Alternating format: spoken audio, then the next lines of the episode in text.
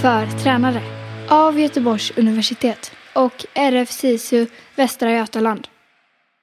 Välkomna till en podd för tränare. Jag heter John. Och jag heter Karin. Och idag ska vi prata om tränaren. Vi sätter tränaren i fokus och ska prata om kraven vi har på tränare, vilka krav vi kan ställa och vad en tränare gör. Om du skulle berätta för mig vad, vad finns det för olika tränare? Vad gör en tränare?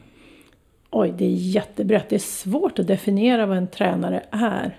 För det kan vara så ofantligt mycket. Allt från en förälder som brinner för att eh, få träna och utveckla barn till en i, som i min egen idrott, judo, där de som är tävlingsaktiva till och med på landslagsnivå får gå in som tränare för att, ja, för att ställa upp för klubben.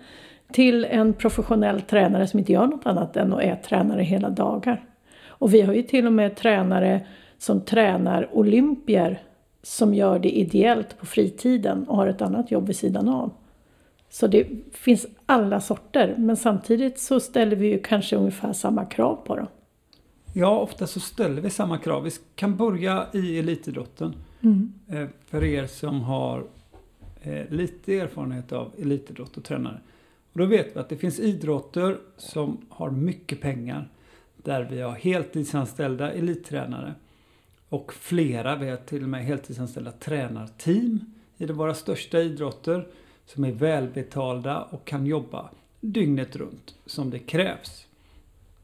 Men vi har också idrotter där elittränarskapet definieras utifrån aktivas prestationer. Så om vi tänker så här, fotboll. Jag är elittränare eh, i fotboll. Är beroende på min erfarenhet och min utbildning. Det vill säga jag behöver en elittränarlicens. Och då är jag elittränare. Eh, och då kan jag jobba, eller så jobbar jag då som elittränare och heltidsanställd. Medan i mindre idrotter, individuella idrotter framförallt, men det finns lagidrotter också, så är jag elittränare. Inte på grund av min erfarenhet eller min licens eller utbildning, utan på grund av att de aktiva jag tränar inom elitidrotten. Vi kan tänka så här, jag tränar dig eh, Karin i judo och du är med på VM. Då är jag helt plötsligt en elittränare. Mm. Och så kan det ibland gå till. Så att definitionen elittränare är lite luddig. Det kan man minst sagt säga, ja.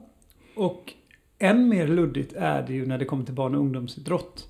Mm. För där är man ju tränare eh, på så många olika sätt. Det vill säga det kan vara just den här föräldern som ställer upp för att ingen annan gör det. Till den välutbildade tränaren som jobbar och faktiskt får betalt och jobbar inom samma idrott eh, med samma åldersgrupp till exempel. Jag tror att mycket av tränarskapet i Sverige är liksom format av den grundidén vi har om att eh, tränarskapet och ledarskapet ska vara ideellt i svensk idrott. Det är ju liksom en del av den svenska idrottsmodellen. Det gör också att vi inte har kunnat sätta några ramar för vad en tränare är. Därför att det är väldigt svårt att sätta eh, ja, men bestämma hur ett ideellt arbete ska se ut. Är det en, ett professionellt yrke som att vara lärare till exempel, ja, men då ska du ha en lärarlegitimation och då vet man att du är utbildad och du har de här, man kan förvänta sig de här kunskaperna från dig. Eh, och gör du ett dåligt jobb så ska du inte vara lärare. Då får man väl ta ifrån dig legitimationen tänker jag. Men så ser det ju inte ut på tränarsidan i Sverige och i många andra länder också. Medan i många länder så är det ju så att det krävs en viss utbildning för att vara tränare. Och det ser likadant ut i alla idrotter i det landet. Att vara tränare är ett, ett yrke oavsett om det inte är ett man kanske inte kan försörja sig helt på det, men det är ändå på något vis, det finns någon slags professionell ram runt att vara tränare. Men det har vi inte i Sverige och vi kan kanske inte riktigt, det steget är långt bort eftersom det ideella, den ideella insatsen är grundbulten i svensk idrott och den syns och blir en, ibland en paradox, precis som du säger, både på barnidrotten men kanske framförallt i elitidrotten där vissa då har det här som ett yrke utbildade eller inte, men ganska välbetalda, till de som sliter för att hinna till träningen klockan fem på kvällen efter jobbet, bränner av en träning och hem och lagar mat till familjen på sin fritid. Så, så tränarrollen i Sverige är ofantligt spretig. Det som har byggt de här svenska framgångarna, för jag tycker det är viktigt att säga det att det är ju det här ideella systemet. Det vill säga vi är relativt få människor i Sverige men alla barn får chans att idrotta på grund av folkhemsrörelsen idrott. Där vi har många ideella ledare som ställer upp. Där vi har en idé om att idrotten ska vara, det ska vara delaktighet, eh, demokrati, glädje, gemenskap. Och där har vi också svenska framgångar. För anledningen att, eh, en anledning att tränarskapet ser så annorlunda ut är att vi har ju 72 idrotter, eller 72 specialidrottsförbund i alla fall, som har chans att vara med på internationella mästerskap. Och nästan alla idrotter är med på internationella, internationella mästerskap emellanåt. Och nästan alla idrotter tar medalj, så vi är otroligt framgångsrika i Sverige. Vi pratade i ett annat avsnitt om tävling och så vidare, att en diskussion som kommer upp där är att men Sverige är andra länder ligger före Sverige för att vi inte rangordnar barn och ungdomar. Det gör det inte. Sverige ligger väldigt högt när det kommer till internationella medaljer för att vi har sån otrolig bredd. Så när vi pratar om tränarskapet så ser det väldigt olika ut. Men däremot så kraven försöker vi ju inom svensk idrott att rama in så vi ungefär vi ska ställa samma krav på alla tränare. Och ofta så landar vi då i, vi kan tänka att ja, men elittränare ställer vi krav. Och det grundas ju oftast i en prestation. Och om vi tittar på den forskningen som görs då. Så är den forskningen gjord på, okay, men hur jobbar vi för att få människor att prestera inom idrott? Kan man ställa krav på tränare därifrån? Och så utvärderar man det utifrån prestation. Och ibland behövs det inte så mycket krav för att man kan prestera ändå. Och då kommer ju de här dilemmana och diskussionerna in. Liksom, behöver man utbildning eller ska man vara auktoritär eller inte? Men det lämnar vi för nu. Och så tittar vi mot barn och ungdomsidrotten. Där vi ser vilka krav ställer vi på barn och ungdomsledare. Eh, och vad innebär det här tränarskapet för barn och ungdomar? Och vad bör man kunna och hur ska man göra för att kunna allt det man ska kunna? Jag tänker att en viktig sak som jag tror att väldigt många missar det är hur mycket tid det tar att vara tränare. Alltså det som man ser utåt det är ju den tiden man lägger på fotbollsplanen eller bredvid simbassängen. Men den här timmes eller en och en halv timmes träning som ska utföras den ska ju planeras. Och den ska inte bara planeras för den träningen utan den ska ju planeras in i en, i en längre utveckling. Så att man har en kortsiktig plan, en långsiktig plan och det kanske är lite tävlingar som ska in och lite andra aktiviteter. Plus att man i sin grupp kanske har 30 barn och de, alla barnen är ju individer och det har vi ju pratat om tidigare när vi pratade om bredd och elitverksamhet för barn. Att alla de här 30 barnen har olika behov, olika målsättning, olika förutsättningar, olika mognadsgrad. Och allt det här ska jag då som tränare göra en bra träning för. Inte bara just den här träningen idag, utan även så att det blir liksom bra på sikt. Så att, att vara tränare är definitivt inte bara att liksom slänga på sig träningsoverallen och kasta in en boll och köra en timme. Utan en bra tränare har ju jobbat ganska hårt innan. Och det handlar inte bara om det här planeringsarbetet utan ja, men du ska förhålla dig till föreningens värdegrunder, till föreningens målsättningar och ja, men de liksom regler som är satta inom den verksamheten där du är. Så att det är ganska mycket arbete och det tror jag väldigt många missar. Och tyvärr många tränare som känner att de inte riktigt kan bära det. Alltså man, man kanske faktiskt tvingas till att ibland bara slänga in en boll och bränna av en träning. Och ibland blir det bra, ibland blir det mindre bra. Men man får liksom hoppas på det bästa, hoppas på att man har tillräcklig erfarenhet för att klara det. Eh, så jag tror att många tränare känner sig väldigt otillräckliga. Många känner sig otillräckliga och där skiljer sig inte eh, elit, eller vad säger ideella ledarskapet kontra elitledarskapet utan det är en del av utvecklingen.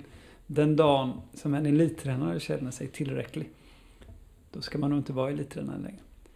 Så det går ju ihop. Det är ju en del av liksom att vara tränare, att jobba med utveckling. Du blir aldrig klar. Det finns alltid något att göra. Och det finns alltid något att jobba emot. En annan ingrediens i den här soppan är ju som du pratar om, att det finns en förening och vem är det som bestämmer över en tränare? Jo, det är en förening och en styrelse. Och den styrelsen är också ideell. Och om vi tänker att generellt sett i det ideella tränarskapet i barn och ungdomsidrotten så är det oftast antingen den här intresserade föräldern som, som eh, vill jobba med barn och tycker idrotten är rolig. Eller den föräldern som gör det för att ingen annan gör det. Liksom, för att ställa mm. upp för att tycka att barnen har rätt att idrotta. Styrelsearbetet är sällan föräldern som är, tycker att styrelsearbete är det roligaste som finns och gärna vill lägga sin ideella tid här. Utan styrelsearbetet är ju oftast eh, människor som ställer upp för att känna att jag kan inte vara tränare, det passar inte mig, jag vet inte vad jag ska göra. Utan jag är med i styrelsen istället. Och jag har själv suttit i styrelser. Eh, jag har bred erfarenhet av barn och ungdomsidrott och jag tycker jag ser, ibland så märker jag en tendens av att många föräldrar som inte har koll på det här med idrottsrörelsen, eller också ledare också, tror att styrelsen är något beslutande organ av professionella människor i kostym. Så det här klassiska styrelseordförande. Att man inte ser att men det är faktiskt människor som försöker få ihop det, som gör det också på sin fritid. Som sitter på söndag kväll och försöker få ihop något dokument och så ska man hantera alla de här konflikterna med ledarna. Så någonstans så behöver vi, tror jag, för att hjälpa ledare och för att hjälpa föreningar att vi hjälper föräldrar till de här barnen i idrottsrörelsen. Och även ledare att liksom på något sätt visar vilka krav kan vi ställa och vilka krav bör vi ställa och vad kan jag bidra med för att hjälpa ledaren? Ja, för ofta så är det en väldigt osynlig grupp. Precis som de idrottare vi ser, det är Zlatan och Henke Lundqvist liksom, och det är, de, det är så vi tror att en elitidrottare är. Precis samma sak är det med tränare. När de intervjuar SHL-tränare eller landslagstränare, då är det oftast professionella människor som du säger och ofta med ett, liksom ett team runt omkring sig. De har helt andra förutsättningar än den person som står och har träningen för ditt barn kvällen efter. Och, och, där tror jag man måste göra det synligt. Och precis samma sak som du säger med ledare och styrelse och allting. Att på något vis göra det här ideella arbetet väldigt synligt. Och man säger ju att det är svårare och svårare att, att få folk att ställa upp ideellt av flera anledningar. Dels att eh, eh, vuxna människor idag kanske har en, en rikare egen fritid. Alltså att man har mer andra, man ska spela paddel och man, ska, man har annat för sig. Än att bara sitta och hänga på, på föreningen och då kan man lika gärna sitta i styrelsen. Eh, det finns säkert fler anledningar också till att, att det är svårare att rekrytera. Men, eh, men jag tror att man måste på något vis ändå visa på de förutsättningar som finns inom idrotten. För jag tror att det finns väldigt mycket missuppfattningar som gör just den här känslan av att man inte känner att man räcker till. Därför att man jämförs med någonting som, inte, som man inte kan motsvara. Plus att man kanske inte ges, för, ges förutsättningarna därför att den norm som, som, man, som gäller eh, och som det liksom bygger på, det är inte den verklighet man ser som tränare. Och, och därför måste förutsättningarna för ett bra tränarskap ges. Eh, både när det gäller möjligheter till utbildning och möjligheter till att ha tid med det man håller på med. Man kanske inte ska lägga till en träning till i veckan. Man kanske ska lägga till planerad planeringstid för tränarna istället. Att, ja, vi skulle kunna slänga in en timme till träning på fredag kväll men vi gör inte det utan vi ger den timmen till tränarna och sitta ner och planera sin verksamhet istället. Eh, för att verksamheten ska bli riktigt bra, att kvaliteten ska bli bättre än att bara ha en timme till. Eh, och jag tror man många gånger glömmer liksom, ja, men den situation som tränarna är i. Det är en välvilja, man vill att det ska bli så bra som möjligt, man vill att de ska göra mycket jobb och det ska liksom bli bra för barnen. Men vi måste också tänka på hur det fungerar för tränarna. När vi pratar tränarskapsutveckling här på universitetet så brukar jag säga att det är tre nycklar. Kontinuerlig information, strukturerad reflektion och bred erfarenhet. Det är det som gör ett bra tränarskap, att vi har de här tre delarna. Och att göra en träning på mattan eller på planen eller i hallen.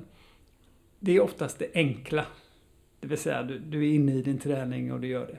Medan det är massa saker runt omkring. Planering, få ihop det. Oavsett om det är 10-åringar eller 15-åringar. Du ska få ihop din grupp. Se till att alla kommer, se till att alla mår bra. Se alla eh, kunna hantera det här att ta ut ett lag, eh, rättvisa och så vidare. Det som har hänt senaste åren, om ni har hört våra andra avsnitt så har vi pratat mycket om allt från selektering till vad har vi pratat om mer? Specialisering, Specialisering elitidrott, elitidrott breddidrott. breddidrott. Ja, vi har pratat om olika delar. För att det har hänt någonting i idrottsrörelsen de senaste åren. Som jag sa i början, svensk idrott har varit väldigt framgångsrik men vi ser att fler barn eh, slutar tidigare. Så svensk idrott har försökt göra förändringar för att behålla fler barn. Så man vill ha en idé om att eh, eh, behålla så många som möjligt så länge som möjligt. För det skapar den bredd som krävs för idrottsliga framgångar. Vilket har gjort att vi har börjat strukturera fler krav på tränare.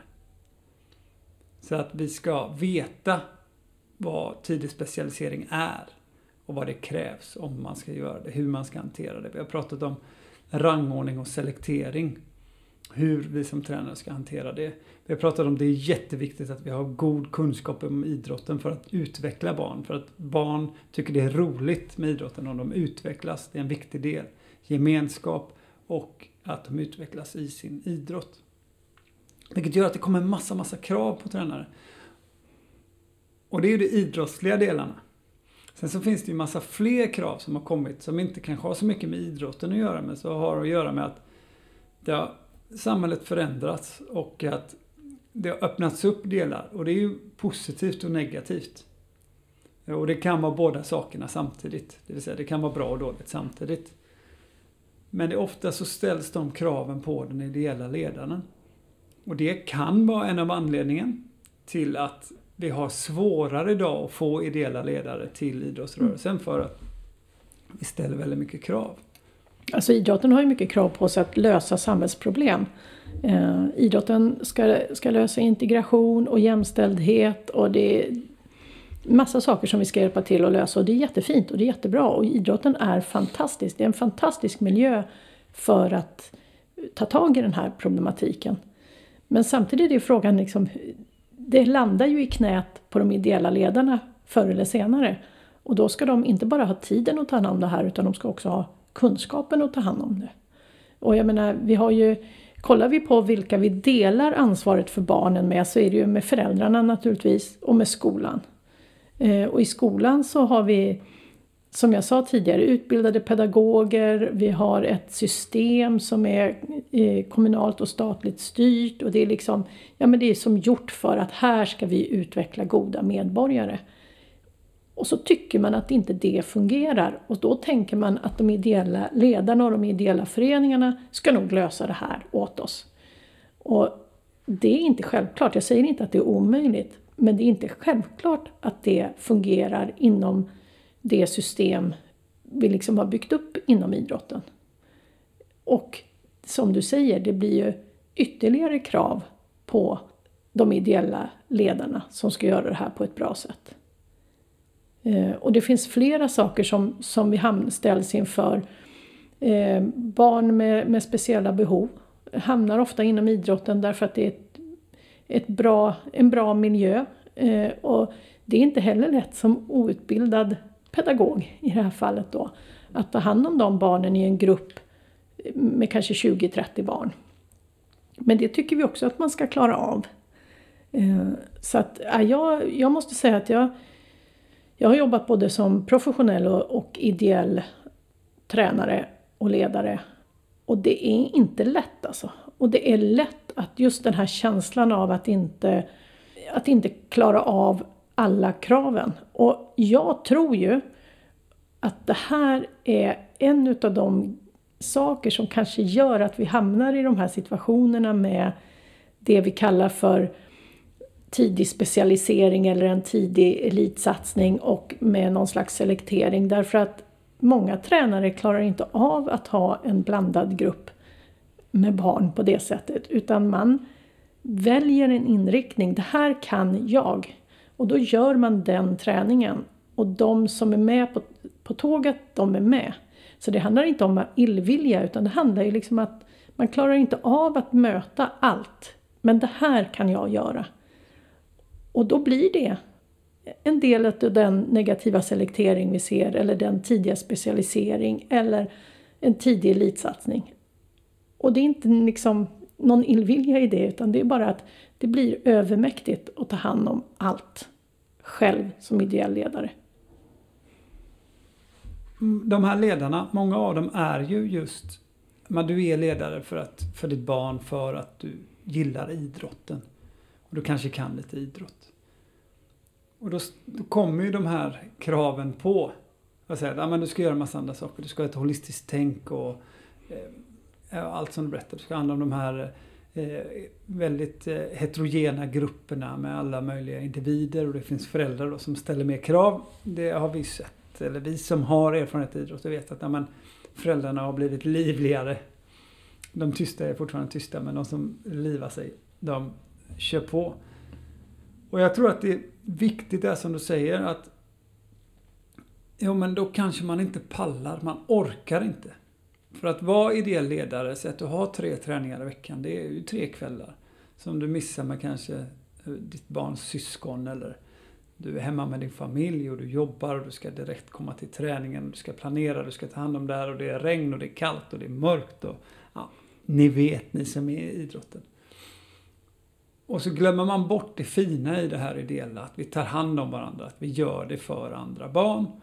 Och så får man, så får man alla de här kraven. Nej, men vi ska jobba med långsiktig utveckling, vi ska jobba med de här nya direktiven som kommer, hur vi ska se varje individ.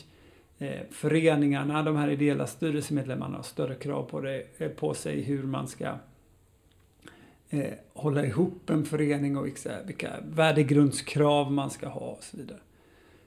Och där behövs ju en stöttning, tror jag, mm. eh, på den här ideella ledaren. För att det, det, har ju hänt också en annan sak som har hänt, det är mycket med det här den klassiska idrottsledaren håller på att försvinna på gott och på ont. Det vill säga det är en äldre man som har gjort allt i föreningen. Jag tror ni alla har sådana exempel från när man var yngre. Det är liksom föreningens starke man har man pratat om. Vilket har gjort att, ja, på ett sätt har det ju varit bra för det har gjort att föreningen har levt. Men när man granskar det här som har hänt i föreningen, och man granskar styrsättet så är det oftast väldigt dåligt. Eh, I alla fall de, de exemplen som vi tar upp där man behöver lyfta bort de här människorna. Men i vissa fall har det hänt att föreningarna försvinner. För att de här som har åsikter och tycker som pekar på felen, de vill inte steppa upp och göra det. Och där krävs ju någon slags av något nytt tänk eller ett nytt stöd från alla de som är med i idrotten. Att hitta ett sätt att göra det här. För jag brukar oftast läsa, jag brukar höra, och det är allt från politiker till föräldrar, att idrotten behöver göra mer eller idrotten behöver göra det här eller det där. Och då kan det komma från en förälder som helt enkelt bara har sitt barn i idrotten och betalar medlemsavgift. Och vi måste säga, vem är idrotten? Jo men idrotten är du och jag, alla ni som lyssnar. Ni är idrotten. Har du ett barn som idrottar, då är du idrotten. Och då måste man engagera sig om man tycker det är viktigt. Och det är det enda sättet att hjälpa till, att vi får fler in i idrotten och avlasta de här ledarna som kanske gillar just idrotten och står på planen eller i mattan eller i hallen. Och så måste föräldrar eller vi som är runt omkring säga vad kan vi göra? Till exempel, vi har ett nytt krav om eh, register, brottsregister. Vilket är, har tagit lång tid och är för alla en självklarhet. Det är klart att vi måste ha brottsregister och se så att vi inte har pedofiler in i idrotten. Men tillsammans med massa andra delar som har hänt så är ju det ytterligare någonting som ska göras. Men det är ingenting som vi inte kan göra, utan det måste göras och det är jätteviktigt. Men i praktiken så innebär det, när vi gör det så måste vi ta bort någonting annat. Mm. Det vill säga vi måste göra mindre av någonting annat. Och för att ledare ska klara det så är det viktigt att vi liksom hittar det här stödet omkring, men hur gör vi då? Hur hjälper vi ledare? Jag tror att det finns, här tror jag man kan lära sig av varandra inom idrotten. Eh, du pratar ganska tydligt ur ett eh, klassiskt svenskt lagidrottsperspektiv där det är en förälder som är tränaren. Jag kommer då från, från judon eh, och man kan inte vara tränare i judo om man inte kan judo. Och det är inte jättemånga föräldrar som kan judo. Så vi kan inte be att få en förälder som har gruppen. Utan vi får hellre ta våra tränare från våra grupp, befintliga grupper. Så en klassisk judotränare är en person som själv tränar judo. Och i många föreningar så bygger man det på de ungdomar man har som kanske tävlar. Och för att de ska få bidrag till sina tävlingar så får man ställa upp och vara tränare. Eh, ideellt då, ta hand om barn. Och där har vi ju en stor kunskap inom idrotten. Det här kan vara eh, individer på landslagsnivå som är och tävlar på mästerskap på helgen och på måndagen så står de och har en barngrupp. Så de har väldigt stor kunskap i sin idrott. Men därmed inte sagt att de har någon kunskap om barn eller pedagogik eller någonting sånt. Eh, oftast så har de en, någon form av tränarutbildning men de har ju liksom ingen erfarenhet. En förälder har ju ändå barn eh, och vet hur ett barn fungerar eh, på något sätt. Och där tror jag man skulle kunna lära sig av varandra. Jag har till exempel funderat på inom judon om man skulle kunna ta in föräldrar på mattan som bara är en vuxen på mattan. De behöver inte ens ha judodräkt utan har man en förälder som är utbildad lärare eller på något vis pedagogiskt kunnig så ta in den som ett stöd för den unga judokan som är tränare. Så man får två kompetenser. Och där är jag så förvånad. Min son har spelat hockey och jag är så förvånad att han aldrig har blivit tillfrågad att vara tränare för, för barnlag. För jag tänker det är jättefint att det är föräldrar som har träningen. Men vore det inte fantastiskt att ha en 15 eller 16-årig duktig hockeykille som förebild och som kunnig i själva spelet med bland barnen och dessutom med kanske en modern syn på den idrott man utövar och inte har ett vuxenperspektiv än på idrotten utan faktiskt har ganska nära till sitt barnperspektiv och kommer ihåg hur det var att vara tio år. Eh, så där tror jag man kan lära sig väldigt mycket av varandra och det är kanske ett medskick att, att börja titta. Återigen, det tar tid. Det här är också en sak som tar tid då, jag ska inte lägga mer krav på våra föreningar. Men jag tror man har mycket att vinna på att titta på hur kulturen för tränare ser ut i andra idrotter. Det är också ett krav, eller inte ett krav, men det är en av eh, eh ledstjärnorna i svensk idrott från Riksidrottsförbundet att vi ska utbilda eller vi ska jobba med våra egna ungdomar i idrotten att bli ledare, ge dem förutsättningarna att vara ledare. Och jag tror att det är ett eh, jag tror att det är jättebra, vi vet det är jättebra, att det fungerar jättebra i vissa fall. Men det kommer sig inte naturligt och då hamnar kraven helt plötsligt på det här styrelsearbetet. Så vi ska jobba fram värdegrunder, vi ska jobba fram strukturer för att få barnen som kanske ändå lägger så mycket tid och tycker att det är helt okej okay att lägga tre dagar i veckan men de kanske inte vill lägga en fjärde på att vara ledare åt några annans unga. Men då krävs det ju så här, okej okay, men vi behöver nog tillbaka till den här gemenskapen att men, här är en förening där det finns styrning och om vi tittar på den forskningen kring det vilka föreningar funkar, vilka föreningar lyckas att behålla många barn och ungdomar och vuxna i föreningen. Så ser vi att det som skiljer, det är starka föreningar med stor värdegrund, där man har jobbat mycket med värdegrunden. Så ni som vill engagera er i föreningar över tid och säga, okej okay, men hur ska vi hjälpa våra barn? Man behöver engagera sig i det här typen av styrelsearbete för att jobba upp värdegrundsdokument och följa upp det och hitta organisation och strukturer. Så föreningar som lyckas behålla sina ungdomar, de har en tydlig värdegrund.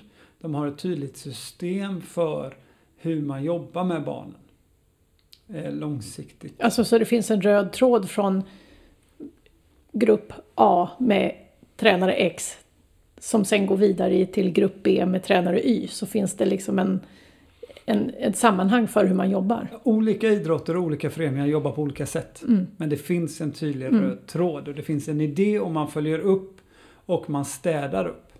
När det inte följs, då städar man bort. Så att det är viktigt. Man sätter inte den ideella ledarens grupp i första hand.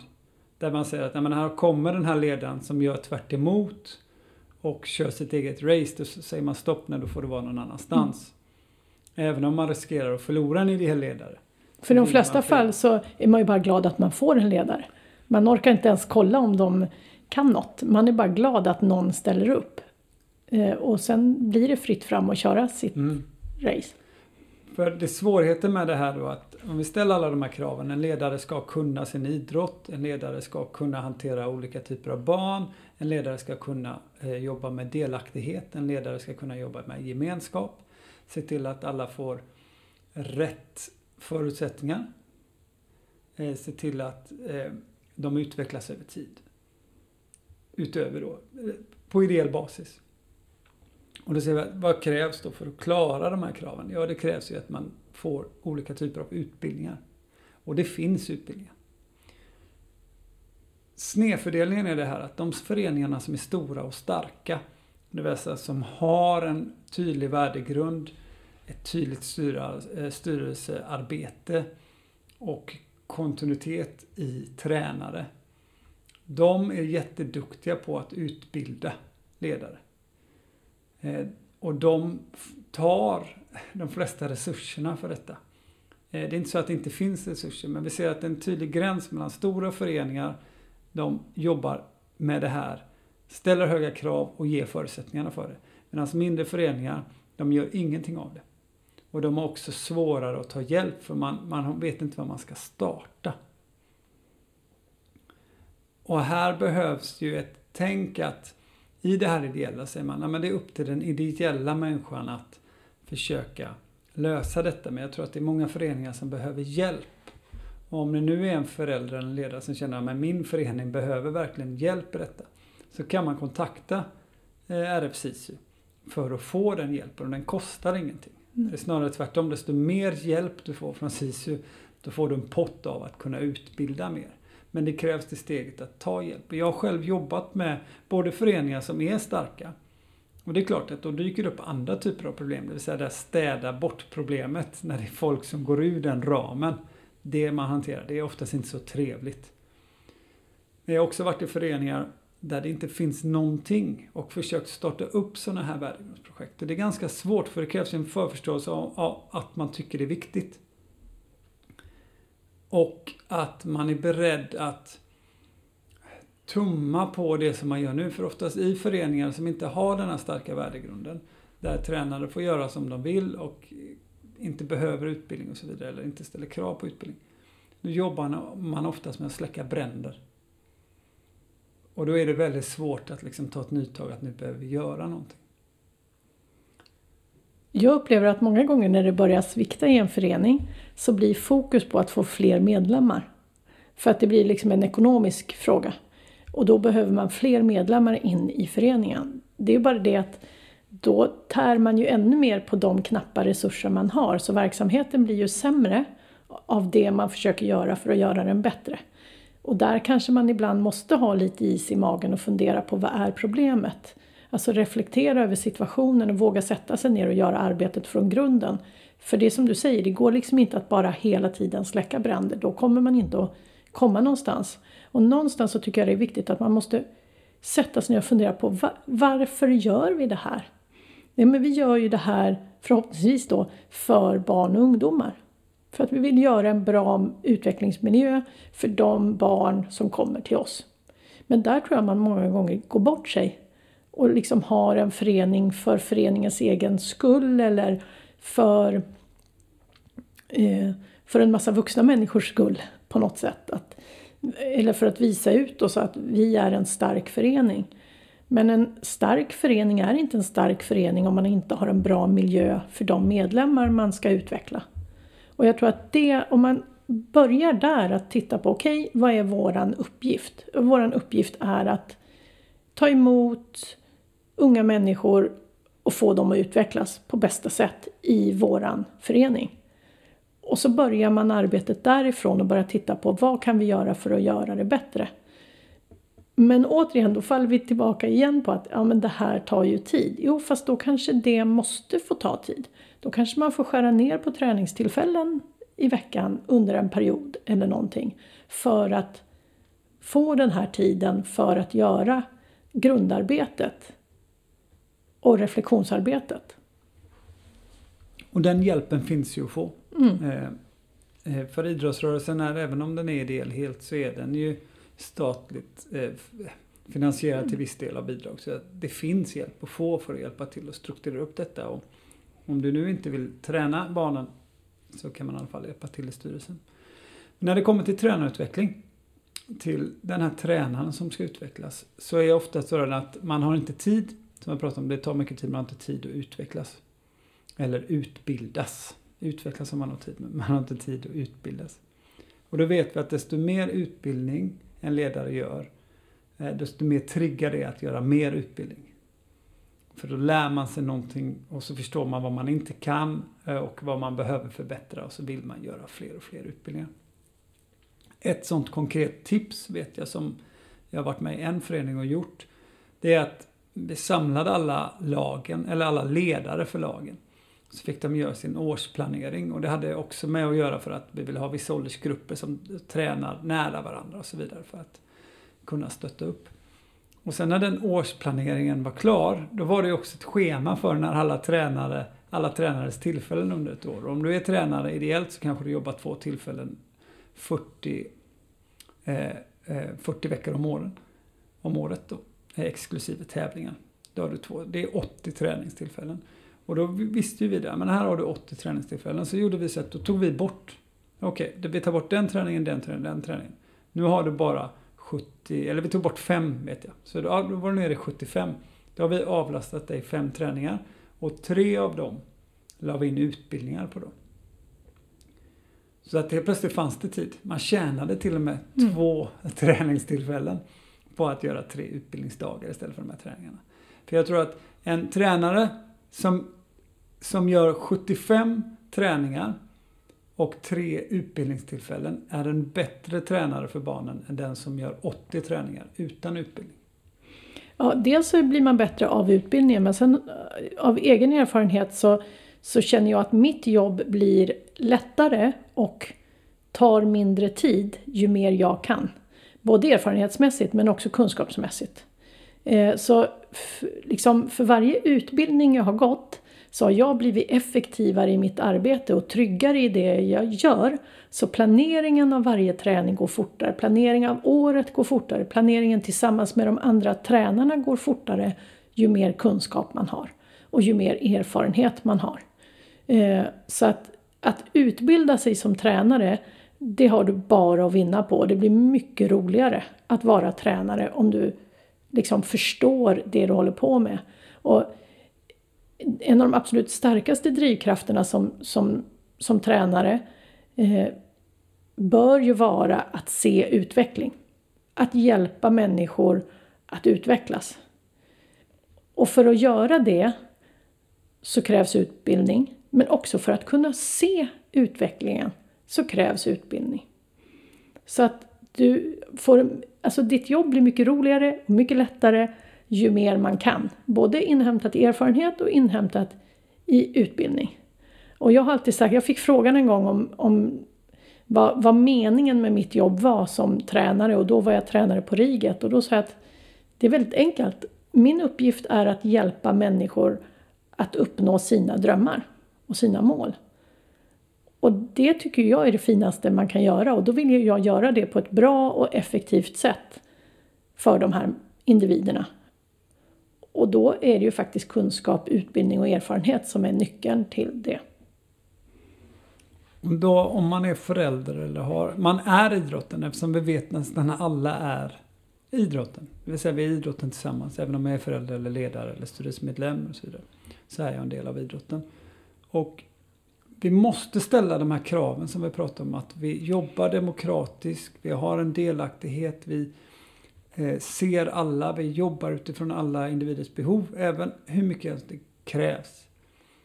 Men då måste vi hjälpas åt och vi får tänka att den ledaren som är på planen, i hallen, på mattan, kanske inte klarar av allt det. För då kommer det kosta av någonting annat. Mm. Och då måste vi hjälpas åt. För nog ska kraven vara med. Men problematiken eller dilemmat blir att när kraven blir för mycket på den ensamma ledaren så måste någonting, man klarar inte allting. Och då faller man oftast bara tillbaka på att bedriva träning. Och då kan det gå riktigt illa. Och om vi bara gör det andra och inte tränar ordentligt så blir det ju ingen idrott kvar av det. Så att jag tycker att det är viktigt att när vi ser på kraven som ställs på tränaren så måste vi se vad är det föreningen behöver göra och hur kan jag som förälder eh, eller ledare som inte med sig mycket avlasta. Hur kan jag hjälpa till? För jag kan lova er, ni vet själva ni som är ideella ledare, att en sån enkel grej som att beställa material eller se till att få ha kläder kan bli en jättejobbig belastning. Mm. När liksom kastrullen är fylld. Jag tycker det är viktigt att man alltid utgår ifrån att alla tränare faktiskt efter sin förmåga försöker göra rätt. Och göra det så bra som möjligt. Sen kan det på grund av bristande kunskap eller bristande erfarenhet eller att man inte har förstått grejen gå fel. Men i deras tänk så är det de gör det bästa de kan klara av. Eh, och sen kan det vara begränsade resurser på olika håll som gör att det inte blir så där bra som man hade tänkt sig. Eh, och om man utgår från det, då blir ju att hjälpa till mycket enklare. För då kan man inte bara sitta och säga att den där tränaren gör fel och peka med fingret och inte försöka hjälpa till. Och om man utgår ifrån att den här tränaren försöker göra sitt bästa och ändå blir det inte rätt. Vad kan jag göra för att det ska bli bättre? Eh, för mig vet jag har inte träffat, jag har träffat både bra och dåliga tränare men jag har inte träffat någon tränare som med flit har gjort dåligt. Eller gjort fel. Men de har gjort det. Precis, och hur sammanfattar vi detta? Tränare har mycket krav på sig mm. och bör ha krav. För idrotten, då tar vi hand om barnen, då bör det ställas krav. Men en tränare kan inte göra allt. Så vi måste hjälpa tränare och då finns det olika sätt. Dels är att avlasta saker på föreningens håll. Att hjälpa till med styrelsearbete eller stötta tränaren på andra olika sätt som förälder. Också stötta tränare med att utbilda sig. För att ni tränare som hör det och tänker att jag har inte tid att utbilda mig eller eh, jag vill inte, jag kan redan allt. Eh, ta fasta på det här att en tränare blir aldrig klar. Man utvecklas ständigt. Så man Släpp idén med att man redan kan. Träningarna kommer bli roligare. Du kommer bli en bättre tränare. Du kommer känna att det är roligare. Du kommer utveckla fler. Du kommer kunna hantera mycket mer situationer om du utbildar dig. Så minska träningen och ställ då tillbaka krav på föreningen att du vill ha utbildning. För det är med hjälp av den här utbildningen som vi får fler barn att stanna kvar i idrotten. Och desto fler barn eh, som vi får stanna kvar, desto eh, bättre förutsättningar ger vi till svensk elit. Så om du någon gång vill träna någon eller kanske titta tillbaka och säga att men den där elitidrottaren tränade faktiskt jag. Jobba med din, ditt eget tränarskap och se till att utbilda dig. Det här är en podd för tränare. Tack för idag. Tack för idag.